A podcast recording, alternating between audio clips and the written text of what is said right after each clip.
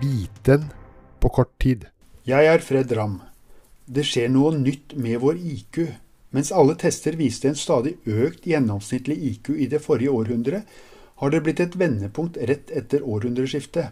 Nå synker den gjennomsnittlige IQ over store deler av verden. Gjennomgang av 730 000 intelligenstester ved det norske Ragnar Frisch-senteret viser at toppen egentlig ble nådd rundt 1970, og har vært i fall deretter. Forklaringen er hypotetiske.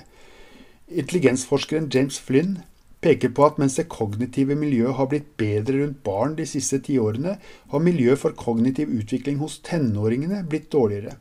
Testene har imidlertid blitt splittet av forskere ved London Kings College, med Robin Morris i spissen. De 1750 testene de har sett på, faller i to hovedgrupper.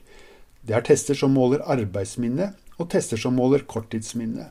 Da viser det seg at det er fall i IQ i testene som måler arbeidsminne, mens det fortsatt er en økende IQ i testene som måler korttidsminne. En hypotese da er at det totale fallet skyldes fall i arbeidsminne hos en stadig økende eldre befolkning, der det er kjent at arbeidsminnet svekkes, mens korttidsminnet ikke svekkes. Økonomen Ole Rågeberg lufter imidlertid en annen hypotese, nemlig at intelligenstestene ikke er tilpasset vår tid, og at det ikke er intelligensen som er problemet, men de verktøyene som måler den. Det eneste sikre er at siste ord i denne diskusjonen ikke er sagt.